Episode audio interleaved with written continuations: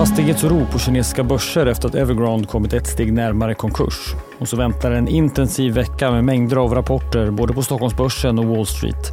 Dessutom lämnar Federal Reserve och svenska Riksbanken räntebesked. Det är måndag den 29 januari. Du lyssnar på det i Morgonkoll. Jag heter Alexander Klar. Ja, det är nedåt på de kinesiska fastlandsbörserna. Shanghai-börsen tappar en halv procent och teknikbörsen i Shenzhen är ner nästan 2 procent. Hongkongbörsen stiger däremot knappt en halv procent. Och återigen är det oroligt bland flera kinesiska fastighetsbolag. Tidigare idag så föll krisande Evergrande 20 procent. Därefter handelsstoppades aktien. Evergrande som befinner sig i domstol har inte lyckats komma överens med långivarna om en rekonstruktionsplan och för en stund sedan beslutade en domstol i Hongkong att fastighetsbolaget ska likvideras. Domstolsförhandlingarna ska återupptas efter lunch lokal tid och eventuellt kommer ytterligare information om tillvägagångssättet. Evergrande har haft stora problem att betala av sina skulder sedan slutet av 2021 och bolaget har skulder på över 300 miljarder dollar. På tal om dåliga långivare, Kina meddelade idag att man slår samman tre statliga banker för att hantera dåliga lån.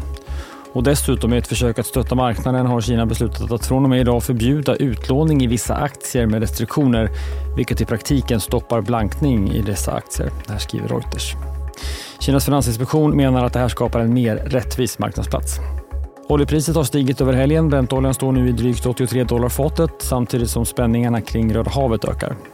I helgen dödades tre amerikanska soldater i en drönarattack mot en amerikansk bas i Jordanien.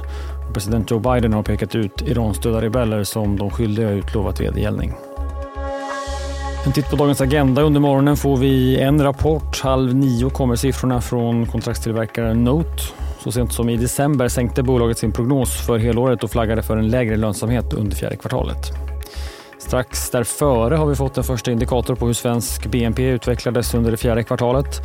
Under det tredje kvartalet sjönk Sveriges BNP med 1,4 procent i årstakt. Dessutom får vi under morgonen också statistik över hur detaljhandeln utvecklats under december där den viktiga julhandeln ingår. I november sjönk försäljningsvolymen i detaljhandeln. Senare i veckan, om vi lämnar Sverige, så är det en viktig dag på onsdag. Då lämnar den amerikanska Federal Reserve nytt räntebesked. Nu har marknaden blivit lite mer frågande till om det blir en sänkning vid marsmötet. Men om det ska ske så bör man redan nu flagga på något sätt. Och på torsdag handlar det om den svenska Riksbanken. Det är en av de mindre mötena den här gången så inga nya prognoser eller ny räntebana. Däremot väntas tonen från riksbankschef Erik Thedéen mjukna något och flera bedömare tror att Thedéen och kompani väljer bort vissa formuleringar om ytterligare höjningar. Under torsdagen kommer också inflationsstatistik för euroområdet. ECB som höll räntorna stilla i mötet förra veckan vill såklart få data på att inflationen sjunker och inte minst att löneökningstakten saktar in.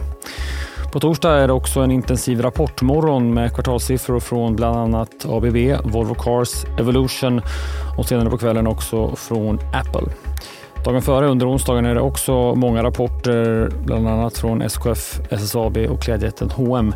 Dessutom från danska Novo Nordisk. Veckan avslutas sen på fredag med amerikansk jobbstatistik över januari. En intensiv vecka att följa i DTV och på d.se. Morgonkoll hörs igen imorgon bitti. Jag heter Alexander Klar.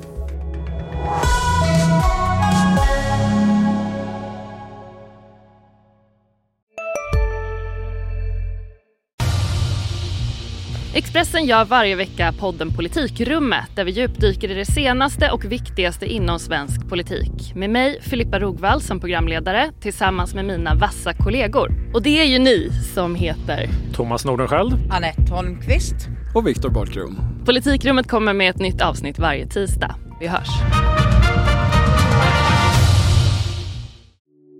Hej, Ulf Kristersson här. På många sätt är det en mörk tid vi lever i. Men nu tar vi ett stort steg för att göra Sverige till en tryggare och säkrare plats. Sverige är nu medlem i Nato. En för alla, alla för en.